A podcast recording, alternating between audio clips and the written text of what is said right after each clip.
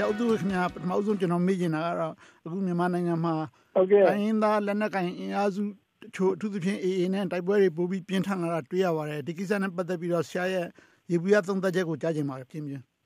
မြန်မာနိုင်ငံမှာတိုက်ပွဲဆိုလို့တော့အေးအေးနဲ့ပဲပြည်ပြည်ပြည်နဲ့ပဲပြည်တိုက်ပွဲဖြစ်တာမကောင်းဘူးလို့ကြာနော်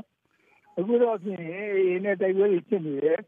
တိုက်ပွဲတွေဖြစ်နေတာလည်းကျွန်တော်ရေချက်တွေကချမ်းသာနေလို့ဖြစ်နေတယ်အေးအေးကတော့ရခိုင်မျိုးသားဆိုတော့ရခိုင်နယ်မှာသူတို့အခြေချနေတာပေါ့ဗျာနော်အခြေချနေအောင်ကြိုးစားကြတယ်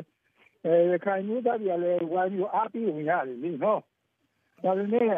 အဲ့လိုလက်နက်ကင်ပုံစံနဲ့နေရာမှာရခိုင်ပြည်မှာအဆအမရှိဘူးနော်အခုရှိတဲ့ဆိုတော့အဲ့ဒါကိုမရှိအောင်လို့အစိုးရဘက်ကလည်းပဲကျွန်တော်တင်နေဒါစူးစမ်းနေတယ်တင်နေအဲ့တော့ဒီဟာတိုက်ပွဲတွေဖြစ်နေတယ်လို့ကျွန်တော်ယူဆတာပေါ့နော် အဲ့ဒီဟာကိုလက်နက်ကိုင်နည်းနဲ့ဖြည့်ရှင်းကြတာနီလန်းမှန်ပါရလားဆရာအဲ့ဒါကတော့ဒီလိုလေကျွန်တော်ဒီနည်းအခုတော့ပြောလို့ရှိရင်ဘယ်လိုလဲ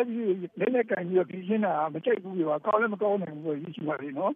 ဒါပေမဲ့လက်ရှိလောလောဆယ်အခြေအနေမှာတော့တယောက်ကတိုက်တယ်တယောက်ကပြန်တိုက်တာတွေရှိနေမှာတော့တို့တော့ဘာပဲဖြစ်ဖြစ်လေတိုက်ပွဲမဖြစ်ဘဲနဲ့ကျွန်တော်တို့အခုပြောနေတဲ့ငင်းငိုင်းပွဲပွဲမှာဒါဝင်လာပြီးဖြည့်ရှင်းကြဖို့ကောင်းတယ်လို့ယူဆတယ်။ဘာဖြစ်လို့လဲဆိုတော့ကျွန်တော်ကြားတော့ကတော့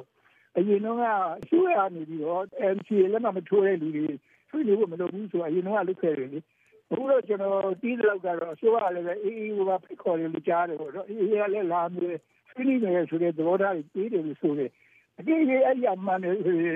ဒါအမှန်ကောင်းတဲ့အခြေအနေလို့ဆိုချင်ပါတယ်ဗျာနော် UPDJC အနေနဲ့တော့ဘယ်လိုလှုပ်ဆောင်မှုစီစဉ်ထားပါလဲဒီကိစ္စကိုအကြအစီအစဉ်ရှိပါလားဒီလိုခင်ဗျာကျွန်တော်တို့ UPDJC ကအခုဆိုရင် မိတော့မိထားလို့ထင်ရတယ်ပေါ့နော်ဒါလို့ဆိုတော့ကျွန်တော်တို့ UPDJC စီးရိမ်မခေါ်လာလို့ကြာပါပြီအဲကျွန်တော်တို့အစီအစဉ်တွေလည်းပဲမူရအစီအစဉ်ထားလို့မဟုတ်ဘူးကြာနော်ဒါလို့လဲဆိုတော့ဟို2018ခုနှစ်မှာဒီကတစ်ခါတက်ခေါ်ဦးမယ်အဲ2019ခုနှစ်မှာနှစ်ကြိမ်ခေါ်မယ်အဲ့လိုပြင်နေတာလည်းအခုတက်ထီအောင်ကျွန်တော်တို့ဒီကလည်းမဖြစ်ဘူးဒီကလည်းကိုစီစဉ်နဲ့ဒီဒီဒီဒီလည်းမခေါ်နိုင်ဘူးဆိုတဲ့ခါကျတော့ ဒါကျွန်တော်တို့ GDP ဒီကရှုရမှာကြည့်ရလို့ရှိရင်တော့ဒီဒါရင်းနှီးရေးရာရှိကိုတိုးတာမဟုတ်ပဲနဲ့နောက်ဆုံးရလို့ဖြစ်နေတာပါကျွန်တော်တို့ကိုယ်ကအမိခံတာလို့ဖြစ်နေတယ်လေအခုအဲ့ဒီတော့ဆရာလက်နက်ကင်တိုက်ပွဲတွေပိုပြီးပြင်းထန်လာတဲ့တိုင်းရင်းသားအင်အားစုလက်နက်ကင်တွေပိုများလာတဲ့ဆိုတဲ့သဘောဟာဒါဒီမိုကရေစီအလုံးမဖြစ်ဘူးလို့သုံးသပ်ကြပါတယ်ရေဘူးရအဖြစ်ဆရာဘယ်လိုမြင်ပါလဲခင်ဗျာဒါကတော့ဒီ ဘယ်နေရာပဲတိုင်းဒီမှာပဲဒီလိုလက်နက်ကင်ပြီးပတ်ခါဖြစ်လို့ရှိရင်ပြန်ပြီးတော့ငြင်းငြင်းလို့ကလွယ်လွယ်တော့မဟုတ်ဘူးနော်မလွယ်တာကတော့ထားပါတော့ဒါနဲ့ကျိုးစားလို့ရှိရင်တော့ဒါကောင်းတာပေါ့ကျိုးစားမငြင်းငြင်းတို့တကားပုံသားမရှိရင်ကောင်းတယ်ဒါကျိုးစားမိတာပေါ့တို့တို့လည်းပဲဒီလိုကြိုးစားရင်းနဲ့လည်းတိုက်တွန်းကြတော့ရှိရတော့ဘာလို့ဆိုအယူဆတွေကအာမတူတာချမ်းသာတယ်ရှိတာကိုကျွန်တော်အဲ့ဒီယူဆဆိုတာလည်းကျွန်တော်မြင်တဲ့လောက်ကတော့အစိုးရအဖွဲ့မှာလည်းပဲ ဒီလိုပဲအတက်ကြွရှိတာပဲနောက်ပြီးတော့လက်နက်ကိုင်တိုင်းနာအဖွဲ့အစည်းမှာလည်းဒီလိုပဲအတက်ကြွအတက်ကြရှိတဲ့ခါကျတော့ကတိုက်ပွဲတွေကဖြစ်နေဖြစ်တာရှိတာပဲလို့ကျွန်တော်ရှင်းနေပေါ့နော်ဒါတွေကတော့ကျွန်တော်အမြင်နဲ့တိတ်ပြီးတော့စိုးရိမ်ပါဘူးကြပါဦးလို့ဟိုတခါလေးတက်ပြီးတော့တိုက်ပွဲတွေကများလာတာမဟုတ်ဘူး။ကြားလိုက်တက်လိုက်ကြားလိုက်တက်လိုက်နဲ့အခုတလောရကပြန်ပြီးတက်လာတာပေါ့ဆိုလိုတာကတော့ဒီဒီအလေးတွေကအယူဆမတူတာလေးတွေက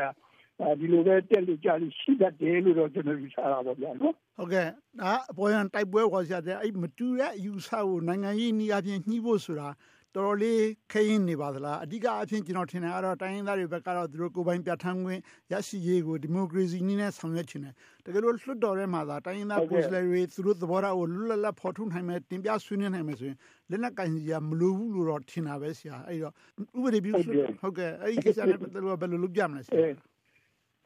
ကျွန်တော်ဒီလေးလာကြည့်ကြလောက်တော့ကျွန်တော်တို့ UDPJC မှာလည်းလုပ်တယ်ငင်းညာရေးဆွေးနွေးပွဲတွေလုပ်တဲ့ခါကျတော့ဒီရင်းရဲ့စီးပွားတွေမှာတစ်ခါတစ်ခါရတော့ဟိုသူတို့သူနားလည်မှုကိုချော့ပြရတယ်ပြည်နေရတခါတစ်ခါကျတော့လည်းကိုယ်ယူဆကိုတခါလဲအဲခက်ခဲမဆွဲတင်ရတာရှိတယ်ဒါတွေကတော့ကျွန်တော်ထင်တယ်သူတို့ရဲ့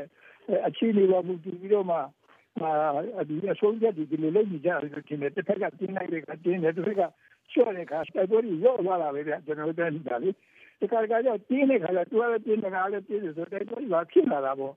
ဥမာပြီးကျွန်တော်နေနေရစပြီးရက်သွားတဲ့ဥစ္စာလေကျွန်တော် UDP ရက်သွားတဲ့ဥစ္စာလည်းပါလဲဆိုတော့အဲ့ဒီတော့ကြီးကျယ်မဟုတ်ဘူးကျွန်တော်မြင်ရတော့လေတစ်ဖက်က privatization ဆိုတဲ့ကလေးထည့်နေ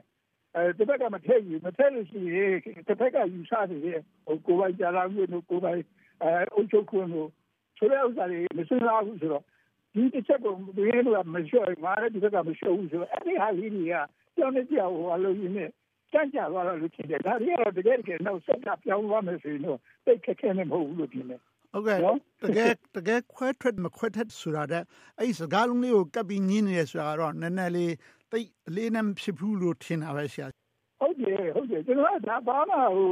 သူအဓိကလည်းကြာအကယ်၍ကြာခွဲထွက်ခြင်းထွက်မှာပေါ့လေသူ့မှာအရေးချင်းရှိရင်သူ့မှာအင်အားရှိထွက်ခြင်းထွက်မှာပေါ့ထွက်တာကိုပြောလေဟုတ်တယ်မလားဒါတွေကတော့ကျွန်တော်ထင်နေတယ်အဲစကနိုင်လူတွေတဲ့သဘောလောက်ပဲရှိတယ်တင်တယ်တကယ်လက်တွေ့တော့ကျွန်တော်အမြင်ကတော့ဒါအတိတ်ကမရှိဘူးထင်တာပဲငင်းငင်းရေးဆွေးနွေးဝဲမှာသဘောတူညီမှုရတာကပထမအဆင့်ပဲဖြစ်အောင်ပဲထင်ပါတယ်အဲ့ဒီထက်အရေးကြီးတာကဖွဲ့စည်းပုံမှာကိုတကယ်တမ်းခိုင်ခိုင်မြဲမြဲဖြစ်အောင်လုပ်ဖို့ဆိုတာဒုတိယအဆင့်တက်လှမ်းရမယ်လို့ထင်ပါတယ်ဆိုတော့အဲ့ဒီအဆင့်က တော်တော်နဲ့ဖြစ်နိုင်ပါမလားဆရာအဲ့ဒါတော့ဒီလိုလေးအခုလည်းပဲဟိုတော့မှကိုရုပ်ကိုအချိန်ကဥပဒေပြင်းနေပြင်းမှုပါညာလို့မြင်ကြတာရှိတယ်လीနော်ဒါတော့ကိုကြီးကိုဆွဲရဲတာကပြင်းလို့အပ်တယ်ဆိုတာဘာမှဆန်းတဲ့ကိစ္စမဟုတ်ဘူးနော်ဒါတော့ဘယ်ဥပဒေကဘာကြောင့်လုပ်ထားသလဲဘာအဲ့ဒီလုပ်ထားတဲ့ဥပဒေကအာဘယ်အချိန်မှာပြင်ပြနေလဲဆိုတာတွေကတော့တွေ့ရမှာပေါ့လေဒါတော့ဒါအခြေအနေကိုမူတည်ပြီးတော့ဒါလုပ်ကြမှာအခုကတော့အဲ့ဒီလိုစနစ်ကြလည်းမဟုတ်ဘူးဥပမာအဖြစ် NLD လည်းပဲအစိုးရမဖြစ်ခင်တည်းကသူအာဏာရကိုတက်လာတဲ့ကူကဒါပြည်သူ့ကိုခေချေဦးပြင်မယ်လို့လာတာပဲသူတို့လည်းတကယ်တကယ်အစိုးရဖြစ်ပြီးတော့ဦးတုံးနေကြမှာဒီကိစ္စပေါ်လာတာပေါ့ဆိုတော့ဟောတကယ်ပဲပြည်သူ့ကိုခြေဦးကိုပြင်နေလို့လားဒါမှမဟုတ်လည်းပဲဒီလူလူကိုစီးရုံးတယ်လို့ဟောလာလာမယ်2020ရေကောက်ပွဲကိုမှားမိတယ်လောက်ထလာဒီလိုသဘောမျိုးတွေဖြစ်နေတာရှိတယ်ပေါ့ဗျာနော်ဟုတ်ကဲ့ဒါပေမဲ့တချို့က တွေးကြတယ် NLD ကစကြတဲ့ဖွဲ့စည်းပုံပြင်မယ်ဆိုတာကိုပြင်းပြင်းထန်ထန်လုပ်ခဲ့ရင်တက်မတော်နဲ့သဘောထားပူကွဲသွားမယ်ဒါအမျိုးသားရင်ကြားစေးရေးနဲ့ဆန့်ကျင်ဘက်ဖြစ်မယ်ဆိုပြီးတော့ချင်းချင်းခဲ့တယ်လို့လည်းတချို့ကတွက်ကြတာရှိပါတယ်ဆရာဟုတ်တယ်ဒီလိုလေဒီလိုဆန့်ကျင်တာကြီးကိုတော့အတင်းအဓမ္မလုပ်ကြမယ်ဆိုရင်တော့တွေးကွဲမှာပေါ့ဟုတ်တယ်မဟုတ်လားနိုင်ငံရေးဆိုပြီးမှလည်းပဲဖြစ်နိုင်တာကိုဟိုဖြစ်အောင်လုပ်ရမှာလေမဖြစ်နိုင်တာကြီးကိုအတင်းဖြစ်အောင်လုပ်တာလို့ အရင်ကကွဲအောင်ကြီးတမင်လုပ်တာဒါမျိုးဖြစ်ကြတော့မဖြစ်ဘူးပေါ့ဒါဒါကျွန်တော်ပြနေတကယ်တော့စိတ်စေတနာနဲ့တကယ်တော့အရင်ချင်းရှိလို့ရှိရင်ဖြစ်နေတာကိုဖြစ်နိုင်တဲ့နည်းနဲ့ဒါလုပ်ကြမှာပဲလို့ဒီမဖြစ်နေတာကြီးတော့ဒီအသေးလုပ်ကြရရှိတော့တွေးကွဲမှာပေါ့ဗျာ ဟုတ်ကဲ့ဆရာကျွန်တော်နောက်တစ်ခုတတိယလုံးကျွန်တော်မေ့ချင်ပါတယ်ဆရာတို့ကျွန်တော်တို့ချင်းမိုင်မှာဆွေးနွေးပွဲလုပ်ခဲ့တော့ငါဆရာပြောတဲ့စကားကျွန်တော်အခုထိမှတ်မိနေပါတယ်အဲ့စကားသမိုင်းဝင်စကားပါဟုတ်ကဲ့တမှုကောင်းတို့မြည်ပြီးနောက်ဆုံးတဲ့အခါမှာတပ်ဖျိုဖျဲမဖြစ်အောင်စီကံတကြစနစ်တကျဆုချင်းတာဖြစ်တယ်အခုမြန်မာနိုင်ငံစစ်တပ်ဟာလည်းပဲတပ်ဆုပ်နေတယ်ဒါဒီမိုကရေစီလမ်းကြောင်းကိုလမ်းဖွင့်ပြီးပြီးတော့ဆိုပြောခဲ့ပါတယ်ဆိုတော့အခုတက်ဆုပ်တာရောပြက်ပြက်သားဆုပ်ရလားဆရာလမ်းတွဲမှာများရက်သွားပြီလားအဲကျွန်တော်စိတ်ထဲမှာရှိတယ်ကတော့ ကျွန်တော်ပြောတဲ့အချိန်တုန်းကလည်းပဲတတ်မတော်ဟာနောက်ဆုံးချင်းတွေကရုပ်တော်ပွဲလုပ်တယ်လို့ကျွန်တော်ယူဆတာပဲလေအခုချိန်ကြီးလည်းပဲတတ်မတော်ကဒီနေ့ကြဆောက်တည်တယ်လို့ပဲကျွန်တော်ယူဆတယ်တော်လည်းပဲဆောက်တည်တဲ့လူကိုမြေသားဆောက်ပါစေလို့ပြောလုပ်ပေးရမှာလေကြာနော်ဟာဒီကောင်တက်ဆောက်တော့မဟုတ်ပါဘူးဆိုပြီးတော့ဒါသူ့လက်ညှိုးထိုးပြီးတော့ဆုပ်တဲ့လူကဆိုတဲ့ခါကျတော့သူအဲ့လိုပြန်ပြီးတော့တုံ့ပြန်ရတဲ့ဆိုတဲ့ခါကျတော့ဆောက်ကအတူအချိန်ကကြက်ကြသွားတာပေါ့ဗျာ ဘာဖြစ်လို့ဆိုတော့ဒီပြီး